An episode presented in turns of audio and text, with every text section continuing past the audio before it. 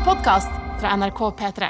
I dag skal vi snakke om to serier og én film. Ja, Furia er ny norsk spenningsthriller på Viaplay, og Midnight Mass er ny skrekkdrama på Netflix. Mens den norske dokumentarfilmen Nattebarn handler om unge voksnes psykiske helse.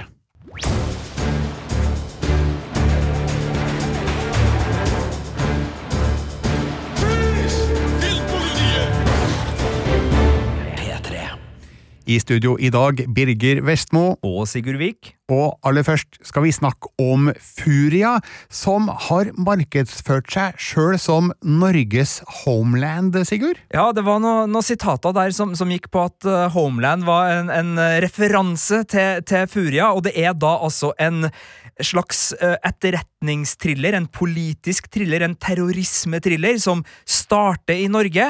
Og hold dere fast, nå avslører jeg litt her, uh, men den ender opp ute i Europa. Vi kan jo ta en liten lytt.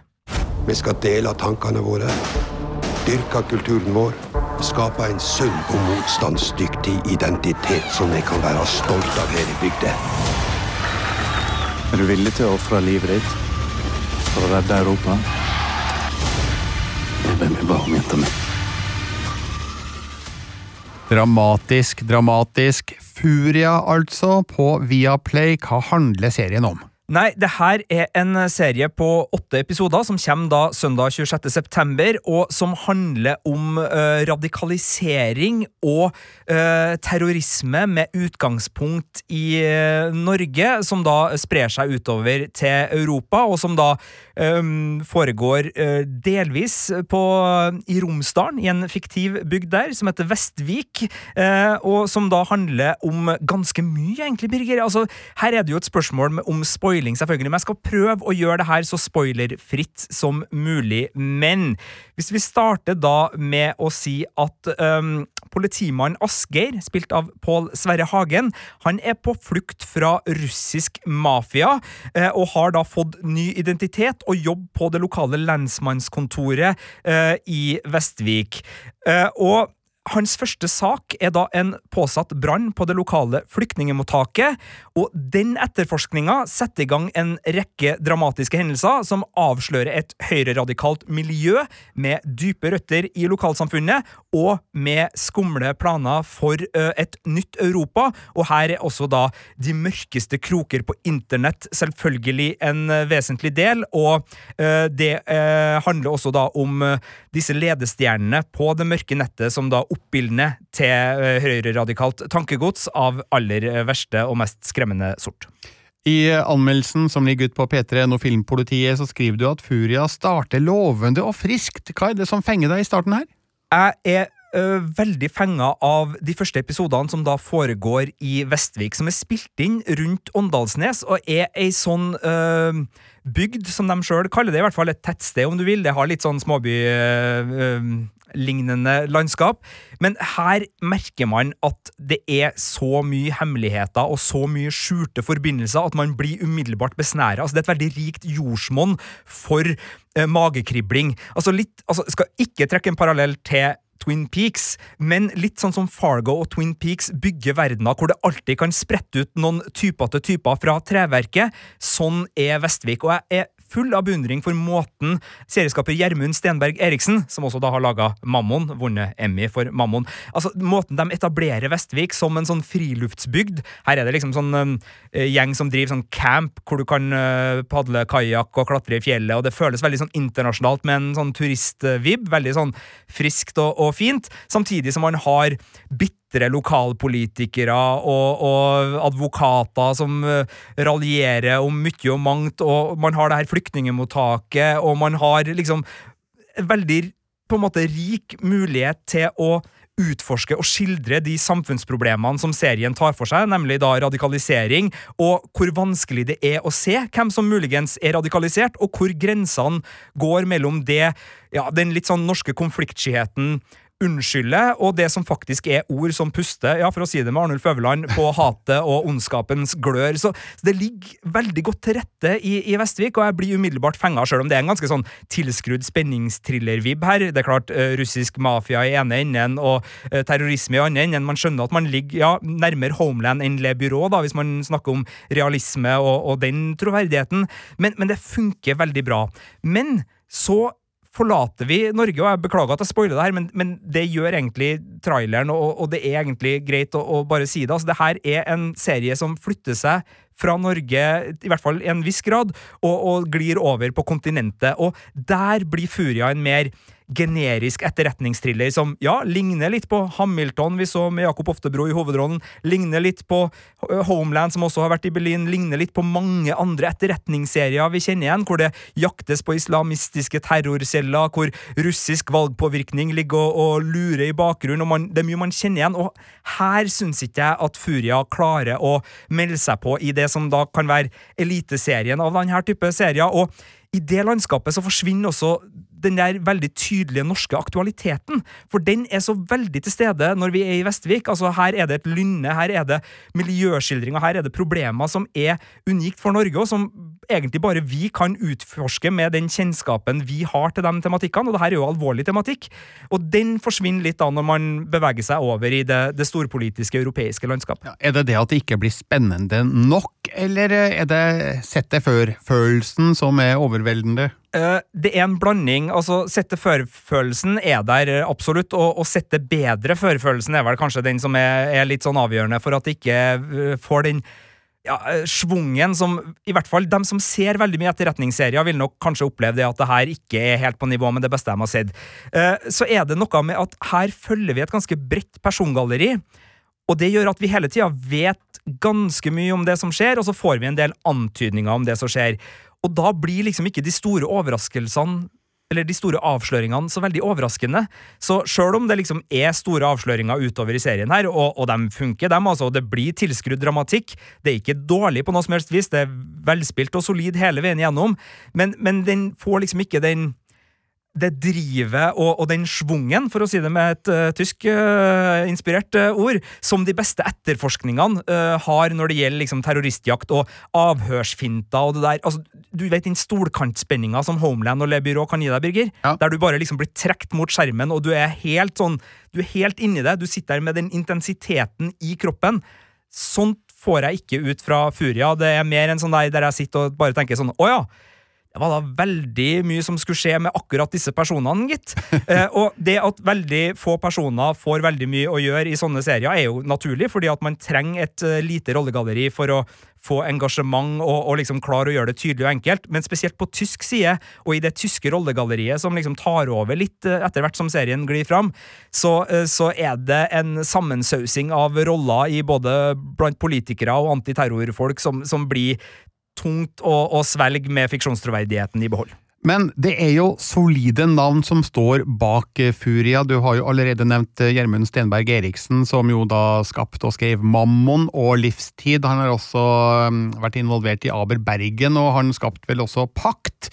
Eh, og på rollelista så ser jeg jo kjente navn, som før nevnte Pål Sverre Hagen, Preben Hodneland, Ine Marie Wilman, Cecilie Amosli, Mosli, Henrik Mestad. Altså det er solide krefter som står bak Furia. Har du dermed også kanskje lagt forventningene litt høyere enn hvis det hadde vært et litt mindre kjent galleri? det er klart, uh, forventningene er høye her, både fordi det er, som du sier, altså det er serieskapere og et manusteam og, og regissør uh, også, som, som, har gjort uh, ting vi har likt veldig godt før, og det er skuespillere som er etablerte skuespillerstjerner i, i Norge. Og de har sjøl også gått ut og lagt lista relativt høyt i, i, forkant av det her, så, så det gjør jo at man sammenligner jo det her med det beste av både europeisk og, og, og internasjonal etterretningsspenning, og, og, måler det da opp mot det. Så, så, og det, det syns jeg vi skal, for her er det jo også et internasjonalt rollegalleri med tyske skuespillere som har spilt i, i kjente serier, og, og, det er ingenting som skulle gjøre at det her ikke skulle være like bra som, som ellers. Så, så, så, den forventningslista ligger selvfølgelig der. Eh, og jeg må jo si det at jeg er streng med, med Furia, men, men det er en uh, kjærlig, det er en streng kjærlighet. Den kommer fra kjærlighet, den, den uh, strengheten. Fordi jeg, jeg liker jo denne sjangeren veldig godt, og jeg, og jeg syns det er veldig mye bra på gang i Furia. Så det er mer det at jeg blir litt sånn skuffa over at de ikke griper muligheten bedre, da, og at jeg ikke blir grepet mer av det her, fordi det er så høyaktuelle problemstillinger og så mange gode skuespillere. Og jeg syns jo, eh, spesielt da Pål Sverre Hagen, Ine Marie Wilmann og Preben Hodneland, som spiller tre av de mest sentrale hovedrollene her, er så gode at de sørger jo for at det menneskelige dramaet ligger i forgrunnen sjøl når det blir veldig tilskrudd i den ytre handlinga, eh, og de har alle fått veldig tydelige bakhistorier, eller bakgrunnshistorier, som gjør at vi, vi, skjønner dem veldig godt. De har veldig ulike bakgrunnshistorier, men både i tilbakeblikk og gjennom deres opplevelser, så, så har vi deres motivasjoner med oss hele veien, og, og, der skal også serien ha skryt for at uh, de får den biten til å svinge. Det er ikke umotiverte, karikerte rollefigurer der som bare er der for å liksom gjøre uh, en rolle. De, de er ikke nødvendigvis de mest på en måte utmala menneskene du har møtt i en serieverden noen gang, men de har liksom dramaseriens uh, kvaliteter for, for, hele rollefigurer, da, som har flere lag. Mm. Og uh, Pål Sverre Hagens uh, politimann har også ei datter som gjør at hans situasjon da på flukt fra russisk gangster er ekstra pressa, og man har PST inn i bildet her, man har tysk etterretning, så, så det er mange bevegelige deler som jeg syns fungerer godt sammen på, på, mange plan. Det er bare det at uh, følelsen av å ha sett det bedre før, og at fiksjonstroverdigheten eh, får seg noen kakker, spesielt mot slutten, og at eh, spenninga går litt ut av ballongen. Det er en dalende spenningskurve, rett og slett, de, de jeg vil si fire siste episodene, som aldri blir kollapset. Altså. Det, det, er interessant å følge Furia hele veien inn, men øh, spennet mellom den lovende og den friske starten som virkelig liksom griper meg inn, og spesielt de to første episodene, til hvor den ender, det er en, eh, det er en reise som øh, ja, har en jevn mm. dalende kurve for min del. Jeg registrerer at uh, Furia har to regissører. Uh, Magnus Martens har uh, regissert fem episoder, mens Lars Kraume, som jeg tror er tysk, har regissert tre. Det er jo nærliggende å tro da, at Martens har uh, laga de norske episodene, og Kraume har spilt inn scenene i Berlin uten at vi vet om det her er tilfellet. da. Men i hvert fall Magnus Martens han har jo talentet til å kunne lage skikkelig gode ting. Vi har jo sett filmen Arme riddere, for eksempel, men jeg ser jo på CV-en hans at han har virkelig vært involvert i mye interessant eh, de siste åra. Eh, han har blant annet eh, laga noen episoder av serien Twelve Monkeys, en Agents of Shield-episode. Han har vært involvert i Fear the Walking Dead, og nå altså Furia, så det her er en mann med en karriere. og Vel, hva, hva, tror du? Er det, er det, hold i den teorien min om at eh, norsken har laga de beste, og tyskeren har laga de ikke fullt så gode? Jeg, jeg, det skal ikke jeg gå inn på, og, og akkurat uh, hvem som har ansvar for hva, det, det skal, skal, jeg heller ikke uh, spekulere i. Men uh, spekulere på. men det er ingen tvil om at det her er en regissør som kan det internasjonale TV-håndverksfaget veldig godt. Og, og, som sagt, det er ingenting å utsette på verken skuespill eller øh, Holdt på å si øh, Sammenskruing av de her scenene. Altså, Slåsskampene er kul, volden er rå, det er god klipprytme. Det er selvfølgelig et ganske sånn ordinært TV-språk med nære utsnitt når det gjelder de mange, mange, og spesielt kontordialogene vi får etter hvert. For det er jo sånn at når man flytter seg inn i, i storbyen, så blir det mye eh, kontorkulisser hvor veldig mye informasjon skal deles med TV-publikummet eh, TV gjennom møtevirksomhet. Så, så, det blir en del av det, men samtidig, fotoet er storslått og flott i, i starten, spesielt, da, hvor vi får virkelig kjenne på naturens eh, rammevilkår på, på, i Romsdalen, med, med, majestetiske fjell, flott fanga, og også på, på skogsturer, og, spesielt ett drap, for det er jo et drap ganske tidlig i serien. Det er lagt ved, ved ei vill elv, hvor du får altså se kulisser du ikke ofte ser på internasjonal TV. Så det er veldig mye bra her, og, og som sagt, det er ikke noe å utsette på håndverket.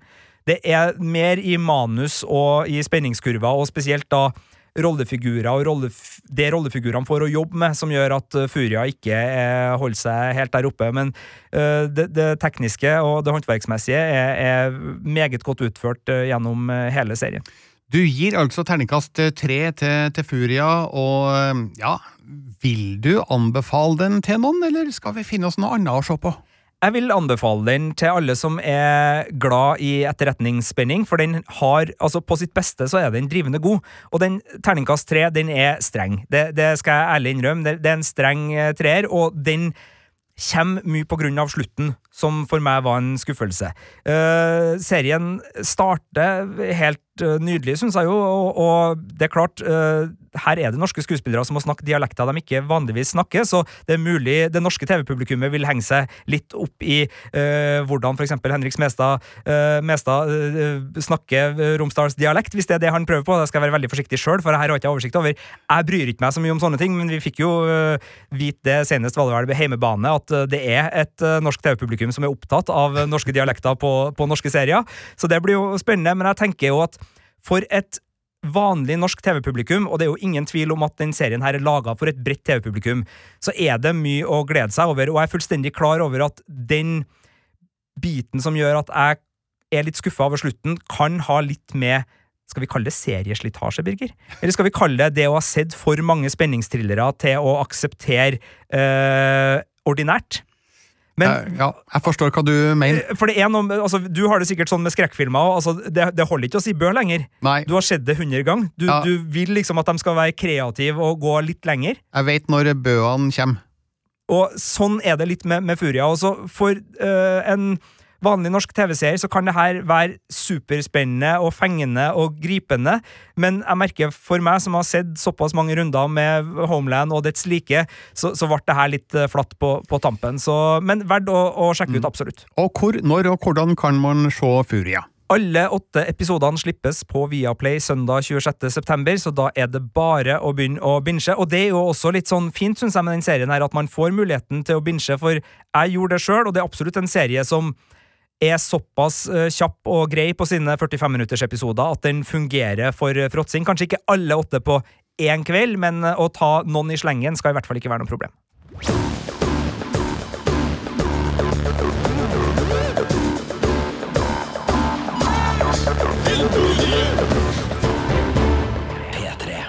Da skal vi inn i kinomørket og se nærmere på en ny norsk dokumentarfilm som har premiere denne uka. Den tar for seg unge voksnes psykiske helse, og tittelen er Nattebarn. Ok, dag én, tagning én. Ja, det ser fint ut. Veldig bra. Kør! Petter er bestekompisen min. I forrige uke hentet jeg Petter på legevakten etter han hadde prøvd å ta livet sitt. Så vi var enige om at Petter trengte å tenke på noe annet. Kan vi ikke bare gå ut midt på natta, da, så tar vi med kamera, så finner vi folk og filmer? Take uh, tre. Nei, men jeg vil møte noen som sliter. Og det er godt å kjenne på det, da. Og at man ikke står helt alene. Ja, som man hører i filmens eh, trailer, så er utgangspunktet for denne dokumentaren ganske spesielt, fordi vi møter altså regissørene Petter Aaberg og Sverre Kvamme, som tilbringer mye av tida i filmen foran eh, kamera sjøl. Eh, som vi hørte her, så har da Petter nylig blitt utskrevet fra sykehus etter å ha eh, gjennomgått et sjølmordsforsøk, og kompisen Sverre Kvamme han drar med seg Petter på en innspilling av en dokumentar dokumentarfilm som han håper skal gjøre at Petter kan få noe annet å tenke på, og kanskje få noen nye perspektiver på sitt eget liv og sine egne psykiske problemer. Og det her er jo et viktig tema, og jeg skriver i anmeldelsen min at det her er en viktig og vesentlig dokumentarfilm, for det er veldig mange som sliter med psykisk helse, og som kanskje trenger å se at også andre gjør det, for å finne ut at man er ikke så alene som man kanskje kan tro, da, om å ha slike problemer. Eh, og så ser vi da hvordan de legger ut på tur gjennom Oslos gater i en bil med sånn dashboard-kamera dashboard mot seg, eh, på leiting etter folk som eh, de kan snakke med. Og akkurat den delen av eh, filmen i innledningsfasen, eh, det gir jo et inntrykk av at eh, det her er litt sånn lite planlagt og litt sånn tilfeldig, og kanskje er det det òg. Eh, og så syns jeg kanskje de bruker litt for lang tid på akkurat denne biten, da, før de faktisk eh, møter folk som eh, de kan snakke ordentlig med. Men de møter man ikke på gata, og filmen er litt sånn diffus på hvordan de egentlig har funnet fram til disse personene. Så vi vet ikke om det her er folk de har møtt tilfeldig på gata, eller om det her er et resultat av et researcharbeid som er gjort på forhånd. Men eh, det er da flere interessante personer vi blir kjent med her. Det er Cornelia, som eh, er avhengig av heroin. Det er Monica, som eh, har eh, en overgrepshistorie bak seg, som har gitt henne ja, det vel eh, rett og slett PTSD. Eh, posttraumatisk stresslidelse, heter det det på norsk, tror du, Sigurd? Det, det, det høres eh, riktig ut, uten at jeg skal, skal korrigere på noe som helst vis. Og så er det rockemusikeren Oliver som eh, dessverre har dratt på seg et kokainproblem. Og så er det Emma som eh, vil bytte kjønn og ikke har fått lov til det enda, og sliter veldig psykisk på grunn av det. Samtidig så handler jo også Nattebarn om Petter og det som skjer i hans liv.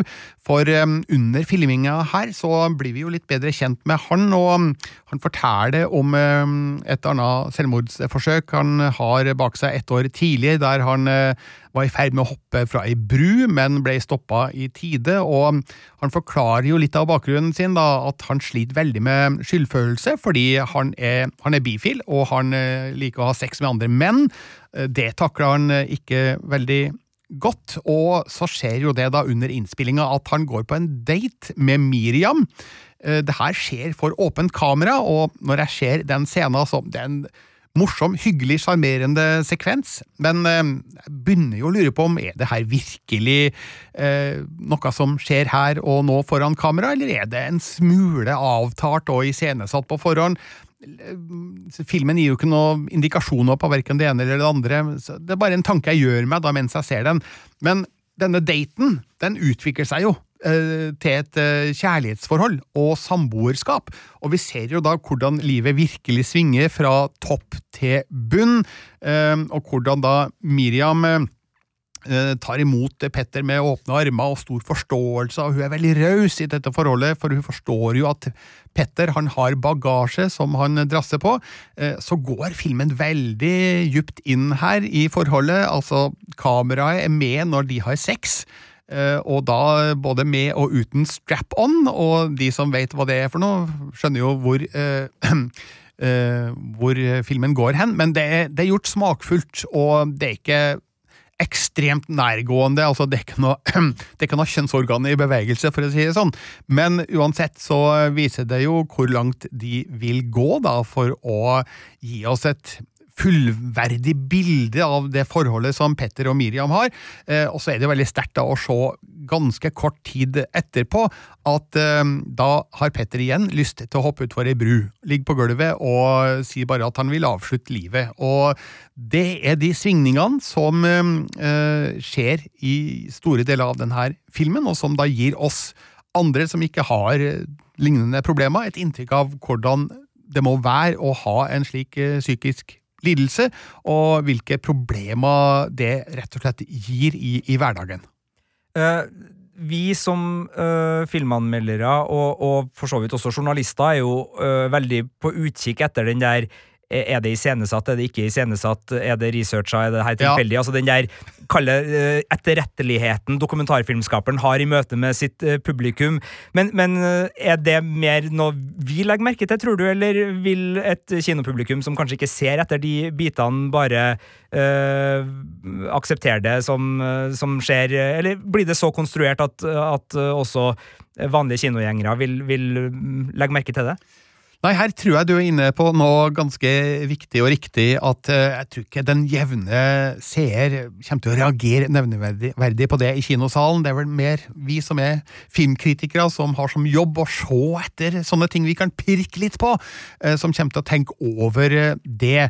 Men det er en tanke som eh, slår meg, og da føler jeg at det er på sin plass å gi uttrykk eh, for det. Og det er jo ikke sikkert at noe av det her er iscenesatt i det hele tatt, men øh, filmen er klippa og, og arrangert på en måte som gjør det mulig å stille spørsmålet, i hvert fall.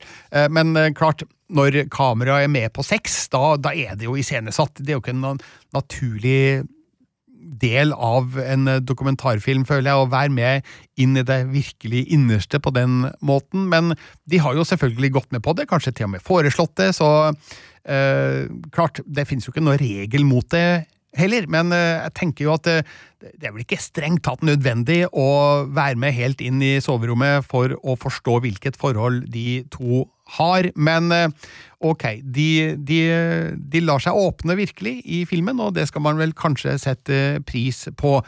Så lurer jeg jo litt på, da, de andre som er, er med i denne filmen, de blir jo blottlagt ganske et, ettertrykkelig for, for ettertida, og det har de jo gått med på, det er jo voksne personer, det her, men eh, man kan jo lure på om filmskaperne gjør dem en bjørnetjeneste ved å eh, ja, brette dem ut på denne måten. Eh, vi får jo bare håpe at de vet hva de er med på, og underveis i filminga så skjer det en del negative ting som eh, kanskje ville ha skjedd uansett, eller er det på en måte trigga av at kameraet er med på slep? Det vet vi ikke, og det, det, er vanskelig å svare på, men det er også et sånt spørsmål som jeg tenker at det, det er verdt å stille, da. Uh, men det er i hvert fall en film som gir et nært og inderlig bilde av den hverdagen alle de her personene befinner seg i, og hvor vanskelig det er å takle og håndtere en psykisk lidelse. Så der har filmen mye bra på plakaten. Det er altså da Petter Aaberg og Sverre Kvamme som er regissører her, og de er unge og uerfarne sånn sett. De, det her er deres første film, men de har da rutinerte krefter bak seg som er verdt å, å nevne, nemlig Karsten Aanonsen, som er produsent, og Even Benestad, som er kreativ produsent.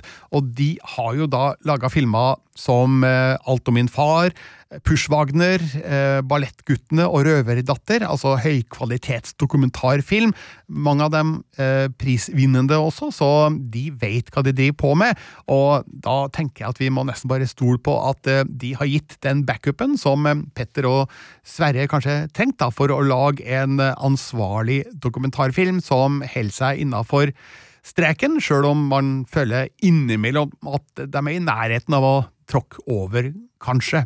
Men eh, det er en god film. Den engasjerer meg, den oppriver meg, den, den rører meg, og jeg syns det er helt deilig å se det kameratskapet mellom Petter og, og Sverre, og øh, håper jo at det går bra med dem og alle andre vi møter i denne filmen. og Håper også at publikum finner veien inn til kinosalen, for Nattebarn er en film med et viktig budskap som jeg tror kommer til å være nyttig for veldig mange. Filmpolitiet.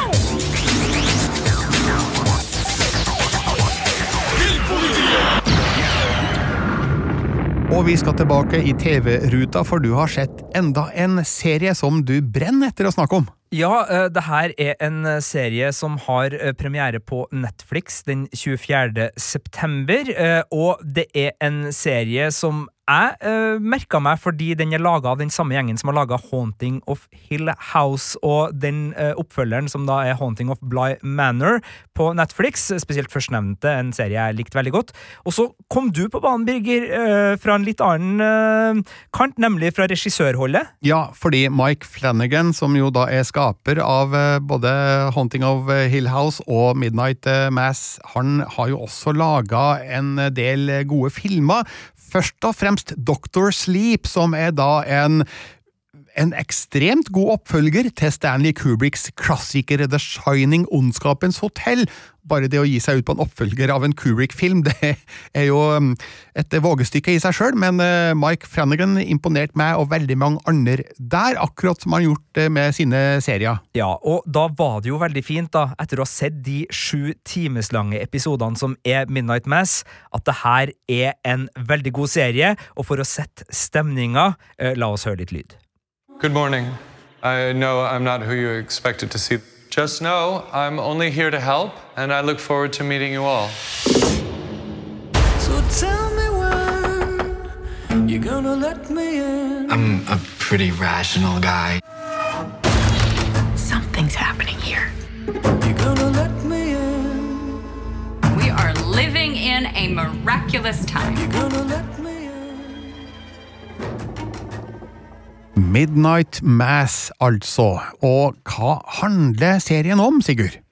Den handler om uh, en liten, isolert øy i USA, hvor uh, Riley Flynn, spilt av Zack Gilford, øh, kjent blant annet fra Friday Night Lights, kommer tilbake etter å ha sona en drapsdom eh, fordi han eh, var ute og kjørt i eh, fylla, og en av hans medpassasjerer døde.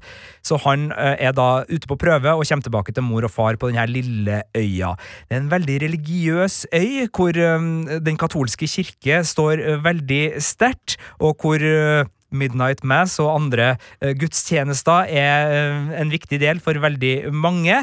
Uh, og så er det sånn at den gamle presten som har holdt i denne menigheten i årevis, han har forsvunnet, men det kommer en ny ung og energisk prest, father Paul, spilt av Hamish Linklater, og han uh, setter i gang uh, sitt uh, virke på en måte som engasjerer befolkninga, og etter hvert så skjer det også de utroligste ting rundt denne presten og i hans menighet, altså mirakler, rett og slett, noe som gjør at oppslutninga blir jo enorm i det her lille samfunnet, og den lille kirka blir jo fylt til randen av begeistra folk, og deres gamle sår og sorger blir, ja Eh, om ikke alle blir fiksa, så blir de i hvert fall uh, jobba godt med. Uh, og det er jo for godt til å være sant, ikke det, Birger? Uh, ja, noe sier meg at det her er for godt til å være sant. Ja, for det er jo sånn at um, skillet, spesielt i Det gamle testamentet, mellom det som er Guds mirakler og det som er djevelens verk, det, det kan være vanskelig å se. Og det som kan være noens mirakler, kan være andres tragedier. Og det er en seig og meditativ og ganske morsom skrekkserie som er mildere enn Haunting of uh, Hill House. Absolutt, det er ikke like mange bø her, det er noen. Uh, men uh, etter hvert så, så, glir den over i ganske blodige og morbide saker, hvor det da jeg skal, jeg skal, ikke si hva som skjer i den menigheten, men, men, det skjer mye i denne menigheten. Og det er også en sheriff, som da er muslim, som er en vesentlig person inni det her. og religionskritikken ligger ganske tjukt på det hele. Nå har Mike Flanagan sjøl gått ut og advart fans av The Hunting of Hill House at uh, hans nye serie den, den, har ikke den samme Bø-effekten som du var inne på. Uh, men kan de som er fans av Hill House, uh, kjenne igjen noen av uh, grøssergrepene fra den serien? Ja, de estetiske grepene er der, men de er som du sier, altså det, det er noen bø her. Det er ting som eh, dukker opp i mørket, og ting som plutselig dukker opp i synsfeltet, osv., så, videre, og så, så den, den er innenfor det klassiske skrekksegmentet. Og um, den ene hovedpersonen, er, uh, Erin Green, spilt av Kate Seagull, gjør jo at den har en hovedperson som også går igjen fra The Haunting of Hill House. Uh, så, så, Kate Seagull er også en forbindelse til den serien, og det Vi kaller det det der hjertevarme vemodet som ligger under. For det er jo sånn med de beste skrekkopplevelsene at de har noe Altså, De er et slags bilde på noe vi mennesker opplever, og det er i, i høyeste grad Midnight Mass. Og det var jo The Haunting of Hill òg. Altså, de, de, leker med sansene våre, så de leker med opplevelsen av det skumle, samtidig som de tar oss inn til noe ektefølt og noe, noe som er veldig menneskelig. Eh, og, og, der syns jeg spesielt Kate Seagull, da, som hun gjorde i, i Haunting of Hill House, eh, hvis jeg husker riktig rollefigur, og det tror jeg jeg gjør, eh, så gjør hun eh, litt det, det, samme her. Eh, det er nærmere en Nick Cave murder ballad uh, enn en skrekkfilm til tider. For her er det spesielt uh, bedehusglise og den der fromheten som enkelte religiøse mennesker kan klare å gi seg sjøl når de ser sin egen rolle i en menighet og anser seg sjøl som bedre enn alle andre, og at Gud skal elske dem bare litt mer. Og måten sånne mennesker alltid kan finne en, uh, bibel, uh, et bibelsitat for å rettferdiggjøre sine grusomheter, uh, det er jo fascinerende.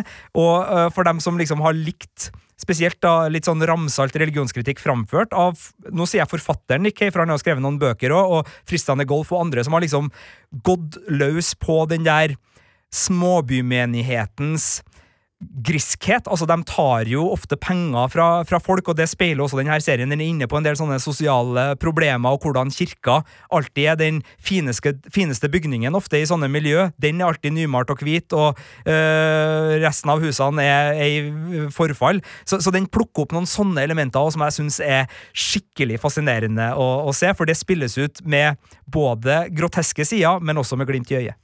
Du, det her er jo da Mike Flanagans tredje serie på Netflix på, på fire år. Eh, og så har han laga Doctor Sleep eh, i tillegg, så han er en travel mann. Men han har jo da fått eh, et ganske solid stempel som en ny grøsserleverandør av eh, høyt merke. Altså, han blir ofte sammenligna med Stephen King, merker jeg. og eh, ja, som Doctor Sleep jo er basert på en bok av. Eh, ser du noe kingsk ja, eh, det, det, er ikke et ord. Nei. Eh, noe Stephen King-aktig i Midnight Mass også? Ja, for Stephen King er jo også en mester i det å ta en uh, småby som føles troverdig, men som er fiktiv, og, og skape både et landskap Og vi snakka jo litt om det med, med Furia og den Twin Peaks-greia. Vi kan like gjerne snakke om main-typografien uh, til, til, Stephen King. Altså, han bygger byer som er så kompleks og sammensatt at han får spilt på flere ting samtidig, og dermed så får han også kombinert skrekken med noe veldig gjenkjennelig og veldig nært. Og det gjør også Flanagan her, og, og det er absolutt i, i arven fra, fra Stephen King. Så det er mye å, å trekke på for dem som kjenner igjen der. Og på sett og vis så er det jo en litt sånn i de første tre episodene en ganske sånn seig, nær, vemodig og lun og fin dramaserie. Mm. Med enkelte uh, mens de jeg siste Jeg skvatter bare av det. Du, du, gjorde det, ja. Uh, mens i de fire siste episodene uh, så skjønner vi litt mer hva det er som kanskje er i ferd med å skje, og da glir den over i litt mer tradisjonell grøsserterritorie, sjøl om det er også et ganske variert grøsserterritorie. Jeg vil ikke si at det liksom er én sånn type skrekkfilm. Den, den har litt uh, mer i seg, men det, det, er jo klart, kirka står jo veldig uh, sentralt. Bibeltekstene står veldig sentralt, og uh, relasjonen mellom hva som kan være en gave og en forbannelse, er også veldig sentralt. Så det er et interessant mm. tematikk, syns jeg. Og så syns jeg det er spennende at han igjen uh, bruker Henry Thomas i en rolle her, uh, som jo spiller den uh, unge versjonen av faren i The Hunting of Hill House. Han spiller vel da faren til til Riley i denne serien, Midnight Mass, som jeg hører jeg skal få med meg. Du må gjenta når og hvor vi kan se det her. Den kommer fredag 24. september, altså i morgen i skravlende stund, på Netflix med sju episoder. Og ja, Birger, den her skal du se. Det skal jeg gjøre. Høsten er heldigvis lang, og den ligger foran oss. Med det setter vi sluttstrek for eh, denne podkasten fra Filmpolitiet, som du kan høre hver søndag på P3 fra 12 til 15. Du finner anmeldelsene våre på p3.no filmpolitiet, og har du et eh, spørsmål eller et innspill, så kan du sende e-post til filmpolitiet alfakrøll.nrk.no. I studio i dag Sigurd Vik og Birger Vestmo. Du har hørt en podkast fra NRK. Hør flere podkaster og din favorittkanal i appen NRK Radio.